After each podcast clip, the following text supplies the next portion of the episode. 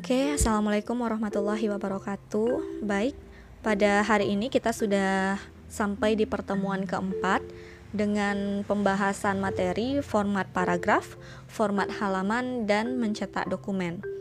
Oke, langsung saja saudara perhatikan PPT yang telah Ibu share di iLearn dan juga di WA Group. Nah, untuk yang pertama kita bahas tentang format paragraf terlebih dahulu dalam format paragraf, kita akan membahas yang pertama adalah pengaturan perataan teks. Dalam pengaturan perataan teks ini berisi perintah untuk mengatur posisi perataan teks agar rata kiri atau align left, rata kanan, dan rata tengah, rata kiri dan kanan. Nah, langkah yang dilakukan untuk perataan teks ini adalah yang pertama, tandai teks atau naskah yang akan kita pilih. Lalu klik tab Home, kemudian pilih tool di uh, samping atau di bawah ini ya. Nah, di samping ini ada ada yang rata kiri, ke tengah, rata kanan, rata kiri kanan. Nah, saudara pilih mana yang saudara inginkan. Adapun contoh dengan perintah perataan uh, rata kiri dapat uh, saudara lihat di slide 3. Itu yang pertama. Itu adalah rata kiri. Jika rata kanan itu di gambar nomor 2, uh, eh, jika yang rata tengah itu di 3 dan rata kiri kanan itu adalah di gambar keempat seperti itu. Nah, lalu apalagi yang akan kita bahas? Yang kita bahas adalah tentang indentasi dan tabulasi tab setting. Nah, apa sih itu indentasi? Oke, indentasi Indentasi yaitu pengaturan paragraf berupa batas kanan dan kiri serta pengaturan paragraf agar baris pertama menjorok ke dalam. Jika saudara menekan tombol enter, maka indentasi akan berakhir seperti itu. Ada beberapa jenis indentasi. Nah, jenis indentasi ini dapat saudara lihat di slide 4 ya. Di slide 4 ini terbagi atas 4 jenis indentasi. Ada hedging, first line, right, dan left. Simbolnya masing-masingnya dapat saudara lihat juga. Nah, keterangannya untuk hedging indent yaitu adalah pengaturan paragraf untuk baris kedua. Jadi, biasanya pada baris pertama kan menjorok ke dalam, maka baris kedua dan seterusnya tidak menjorok. Kayak apa ya? Uh, alinea, alinea yang menjorok tersebut. Nah, atau posisi sebaliknya, yaitu baris kedua lebih menjorok daripada baris pertama. Itu yang disebut dengan hinging indent. Lalu first line indent apa? First line indent simbolnya itu dapat saudara lihat, keterangannya adalah awal paragraf menjorok ke dalam. Sedangkan right indent yaitu pengaturan paragraf untuk batas kanan, sedangkan left itu kebalikan dari right yaitu pengaturan uh, paragraf untuk batas kiri. Nah, contoh teks dengan indentasi ini dapat saudara lihat di uh, slide. Nah, ini. Ini beberapa contohnya yaitu untuk first line indent dapat saudara lihat untuk yang pertama, gambar pertama ya. Untuk left indent itu dapat saudara lihat di gambar kedua. Untuk hinging indent itu dapat saudara lihat di sebelah kanan pertama gambar sebelah kanan pertama sedangkan untuk right indent itu sebelah kanan kedua. Baik itu terkait dengan indentasi dan tabulasi atau tab setting. Selanjutnya kita akan membahas tentang bagaimana kita menentukan spasi baris. Spasi baris ini uh, oke. Okay. menu spacing ini digunakan untuk mengatur jarak antar paragraf dengan paragraf sebelumnya maupun dengan paragraf sesudahnya. Nah, saudara dapat lihat di gambar itu ada di te, uh, di menu home ya. Itu saudara lihat adanya uh, spasi di uh, kolom paragraf tersebut, tempat pengaturan spasinya. Terus ada juga dialog boxnya ya. Kita dapat memberikan pengaturan lanjutan dari paragraf ini dengan mengklik dialog box di grup paragraf ini. Setelah tampil jendela paragraf, maka pilih indent and spacing. Selanjutnya, saudara dapat mengatur untuk general, indentation, special, spacing, dan line spacing. Nanti saudara cobakan ya di uh, rumah masing-masing. Itu general gimana, indentation gimana, special dan spacing serta line spacing itu bagaimana. Nah, kita hanya membahasnya sampai bagaimana kita menentukan spasi baris seperti itu. Oke, selanjutnya kita akan membahas tentang menentukan jenis dan ukuran huruf. Saya yakin saudara sudah dapat melakukan ini karena saya lihat uh, saudara membuat tugas CV kemarin itu sudah menentukan jenis dan ukuran hurufnya bagaimana dan sudah dikreasikan sedemikian rupa. Nah, untuk ini Ibu ulangi untuk menentukan jenis dan ukuran huruf kita dapat uh, dikenal dengan font, size, increase font size dan decrease font size. Nah, berisi perintah itu apa? Itu adalah berisi perintah untuk mengatur jenis font, ukuran font, ukuran teks diperbesar atau diperkecil, size itu menentukan ukuran huruf, increase in font size itu memperbesar ukuran teks, tekan beberapa kali nantinya. Jadi kalau kita tekan yang uh, increase itu nanti akan memperbesar hurufnya. Jadi semakin ditekan semakin dia besar. Untuk decrease font size itu kebalikan da dari increase. Decrease itu adalah memperkecil ukuran teks. Jadi semakin ditekan uh, decrease maka semakin kecil ukuran teksnya. Nah gambarnya bagaimana? Yang ada Times New Roman itu adalah uh, bagaimana kita menentukan jenis dari fontnya. Sedangkan untuk ukurannya itu size yang ada 12 dan untuk decrease itu ada tanda A besar dan untuk Oke, okay, masuk uh, dan untuk increase font dapat saudara lihat di uh, slide 6 tersebut.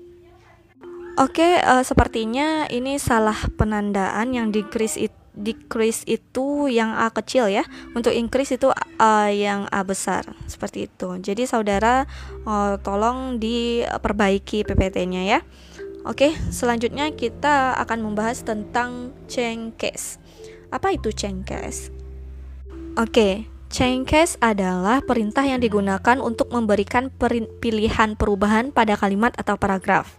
Misalnya dapat saudara lihat dari tabel uh, di slide ini. Nah, misalnya kalimat awalnya adalah Windows 8 yang memang tergolong simple. Ini kan kalimat awalnya besar semua ya. Jadi ketika kita menggunakan sentence case, maka kalimat itu setelah kita pilih sentence case, maka kalimat setelah perubahan adalah uh, masih kalimat tersebut namun W di awal kalimat itu yang besar, selebihnya adalah hurufnya kecil seperti itu. Nah, jika kita pilih lower case, maka kita akan melihat adanya kalimat awal misalnya seperti ini. Itu adalah Microsoft Office 2013 itu hurufnya kapital semua. Sedangkan yang terintegrasi e dengan penyimpanan dokumen online itu kecil. Jika kita pilih lowercase maka kalimat itu setelah perubahannya adalah kecil semua. Ya. Untuk yang uppercase itu misalnya kalimat awalnya adalah mendukung layanan layar sentuh touchscreen support. Nah, ini kan hurufnya kecil dan juga uh, maksud saya dan juga huruf kapital itu hanya di uh, kata pertama. Sedangkan apabila kita memilih uppercase itu kalimat setelah perubahannya adalah hurufnya besar semua gitu.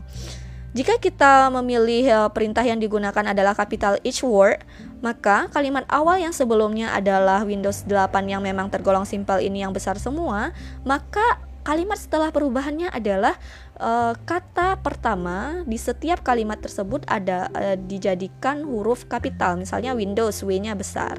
Yang Y-nya besar gitu. Seperti itu ya.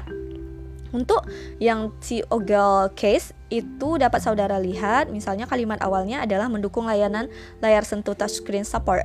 Nah, ini kan uh, kalimat awalnya M-nya besar, selebihnya kecil dan T-nya juga besar untuk touchscreen. Nah, ini untuk kalimat setelah perubahannya M-nya kecil jadinya. Jadi merubah kata yang awalnya itu kapital atau besar itu dijadikan kecil. Yang kecil dijadikan huruf kapital seperti itu ya. Untuk langkah yang dilakukan adalah saudara tinggal uh, tandai kalimat yang ingin dirubah tersebut, klik tab home ya untuk lalu uh, klik tab change case yaitu dengan tanda ada A kecil dan A besar lalu uh, akan tampil pilihan seperti di bawah ini Nah, ada sentence case, lower case, upper case, capitalize H word, dan juga TOGL case. Nah, kali, uh, saudara pilih saja yang mau saudara gunakan. Oke? Okay? Oke, selanjutnya kita akan membahas tentang drop cap. Nah, perintah drop cap digunakan untuk memperbesar huruf pertama dalam satu paragraf. Biasanya pada majalah atau tabloid atau koran ya kita dapat uh, lihat itu biasanya digunakan di majalah. Oke, maaf ya uh, ada itu eh, suara-suara tetangga. Nah, ketika kita menggunakan drop cap ini, itu akan uh, apa majalah ataupun tabloid itu menjadi lebih menarik seperti itu. Cara menambahkan drop cap ini pada paragraf adalah saudara tinggal letakkan kursor pada salah satu paragraf yang ingin diberi efek drop cap.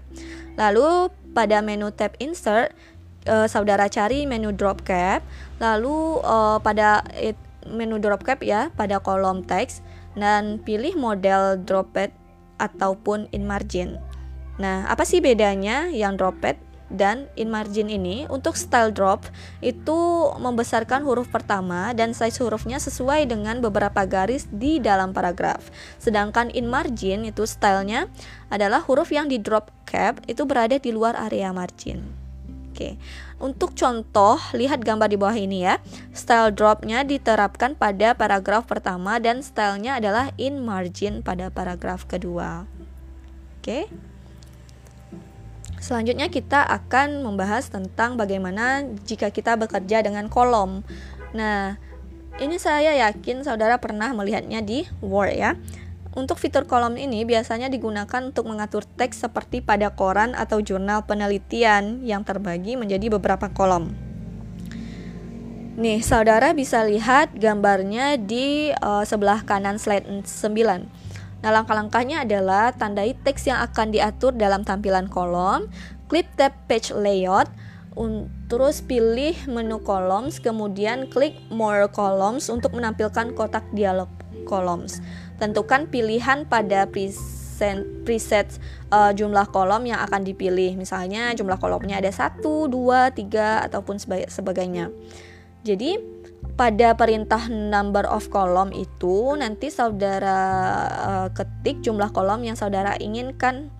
Nah, untuk mengatur lebih lebar kolom, ubah angka pada kotak width. Untuk mengatur jarak pada kolom itu spacing ya, uh, saudara tekan. Terus centang kotak line between untuk memberikan garis pemisah pada kolom.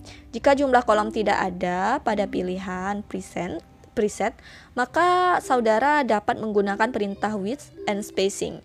Tentukan lebar dan jarak antar kolom untuk masing-masing kolom tersebut. Untuk apply uh, to dapat dipilih select text. Jadi teks yang dipilih atau di blok atau whole dokumen untuk pengaturan seluruhnya ya. Lalu tinggal klik OK saja. Seperti itu. Nah, ini contohnya jika saudara memilih kolomnya ada tiga. Nah, ketika uh, saudara pilih kolomnya ada tiga di Word tersebut, maka uh, halaman pertama misalnya kan uh, di suatu uh, um, lembar kerja saudara di Word tersebut ada tiga kolom, bukan satu kolom lagi seperti itu. Biasanya nanti akan uh, berguna untuk saudara jika saudara di tugas akhir itu disuruh bikin jurnal. Nah, biasanya jurnal ada yang formatnya dua kolom. Jadi ini akan berguna sekali.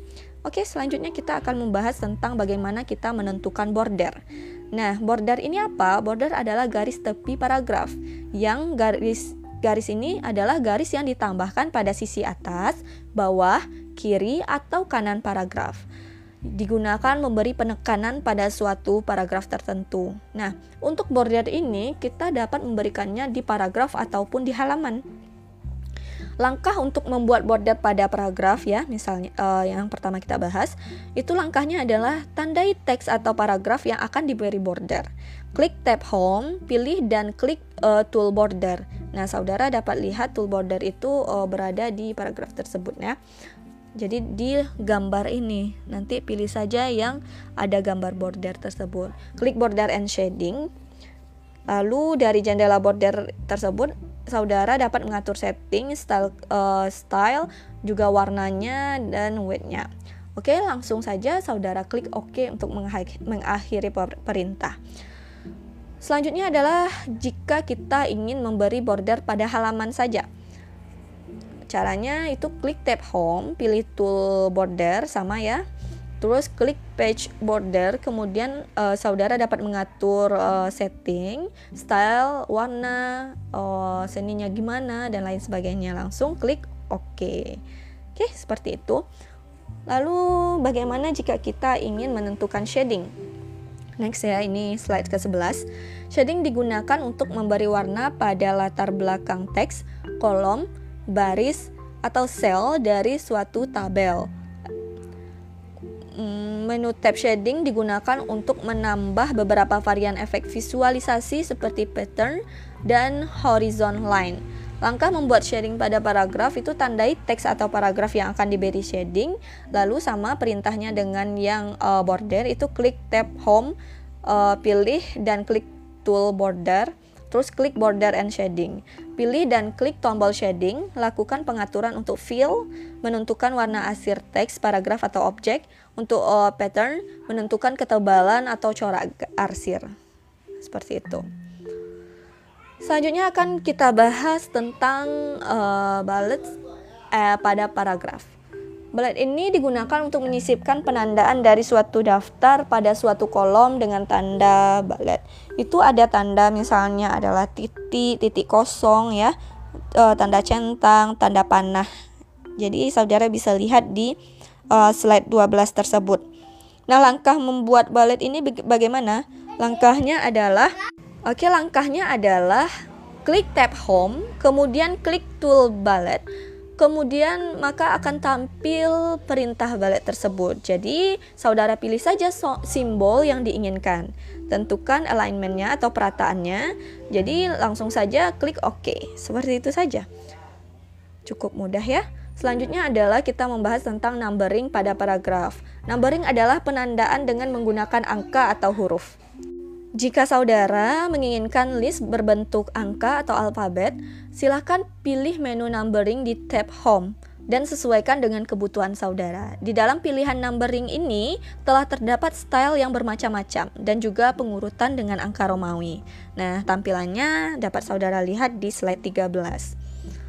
Setelah kita membahas tentang apa? format paragraf, selanjutnya adalah kita membahas tentang format halaman dan mencetak dokumen. Oke. Oke, kita akan membahas tentang bagaimana mengatur ukuran kertas atau size di slide 15. Langkah-langkah untuk mengatur ukuran kertas yaitu saudara tinggal klik menu page setup, kemudian pilih size dan saudara dapat uh, lihat gambar di bawah ini. Nah, langsung saja uh, dipilih size-nya berapa sesuai keinginan saudara. Selain dari menu perintah size, saudara dapat menentukan ukuran kertas dari tombol paper. Nah, lihat di sini ya ada tombol pepet tersebut. Itu kertas ya. Oke, selanjutnya kita mengatur batas atau margin halaman. Langkahnya adalah tinggal pilih page setup, lalu klik margin. Nah, gambar margin ini dapat saudara lihat di slide 16. Nah, itu ada ya. Untuk gambar margin tersebut, perintahnya ada top, top margin, itu menentukan batas atas, untuk left margin itu menentukan kirinya bagaimana. Untuk bata, bottom margin itu menentukan batas bawahnya. Untuk right margin itu menentukan kanan e, batas kanannya. Untuk gutter itu menentukan batas jilid. Untuk gutter position itu menentukan batas jilid atas atau kiri. Selanjutnya adalah orientation itu ada portrait dan landscape orientation ini berguna untuk menentukan posisi kertas. Kalau portrait itu posisi tegak, sedangkan landscape adalah posisi melebar ya. Selanjutnya ada juga di sini page pages. Itu untuk normal itu satu muka saja, mirror karena mirror itu berarti ada dua sisi ya. Untuk dua page uh, two page sheets itu format membuat dua halaman dalam satu lembar kerja. Untuk book fold itu format untuk membuat dokumen bentuk buku. Jadi timbal balik seperti itu. Untuk apply to itu ada whole dokumen uh, pengaturan baru akan berlaku untuk seluruh dokumen. Untuk this section itu hanya uh, berlaku untuk uh, kertas itu saja. Jadi pengaturan baru akan berlaku pada posisi kursor berada. Untuk this point forward, itu pengaturan baru akan dimulai pada posisi kursor berbeda. Perlu diingat untuk uh, gatan margin itu gater margin itu membantu untuk memastikan teks yang ada pada dokumen atau buku tidak tertimpa oleh binder atau jilid. Jadi saudara dapat lihat untuk gater margin itu gambarnya seperti sebelah kanan di slide 16 ini. Oke, pembahasan terakhir adalah untuk mencetak dokumen. Pastinya saudara semua sudah pernah ya mencetak uh, dokumen Word ini di print di printer ya. Langkah-langkah mencetak dokumen untuk Word uh, 13 ini adalah sebagai berikut. Pertama, klik tombol file, lalu pilih print atau tinggal uh, klik bersamaan Ctrl P. Selanjutnya pilih jenis printer yang saudara inginkan Pilih jenis printer pada kotak printer name, tekan tanda panah untuk memilih jenis printer. Saudara harus menentukan nomor halaman dokumen yang ingin saudara cetak. Ada tiga pilihan yang tersedia yaitu print all page, print selection, print current page, custom print, dan page. Untuk print all page, maka semua halaman dokumen akan dicetak. All artinya semua. Untuk print current page, maka hanya halaman yang tampak saja yang akan dicetak. Print current page artinya halaman ini saja. Untuk print selection, maka hanya halaman yang saudara pilih yang akan dicetak. Untuk custom print, maka Anda dapat mengatur sendiri apa yang saudara akan cetak.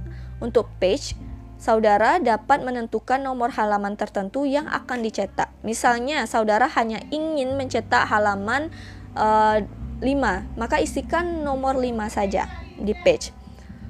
Untuk selanjutnya adalah e, langkah keempat yaitu tentukan berapa kali halaman dokumen tersebut akan saudara cetak. Misalnya ada dua rangkap, maka saudara tinggal e, klik dua atau misalnya saudara ingin mencetak halaman ter, nomor 5, halaman 5 ya, sebanyak tiga kali, maka isikan angka 3 pada kotak kopis. Oke. Selanjutnya adalah setelah itu tinggal klik print.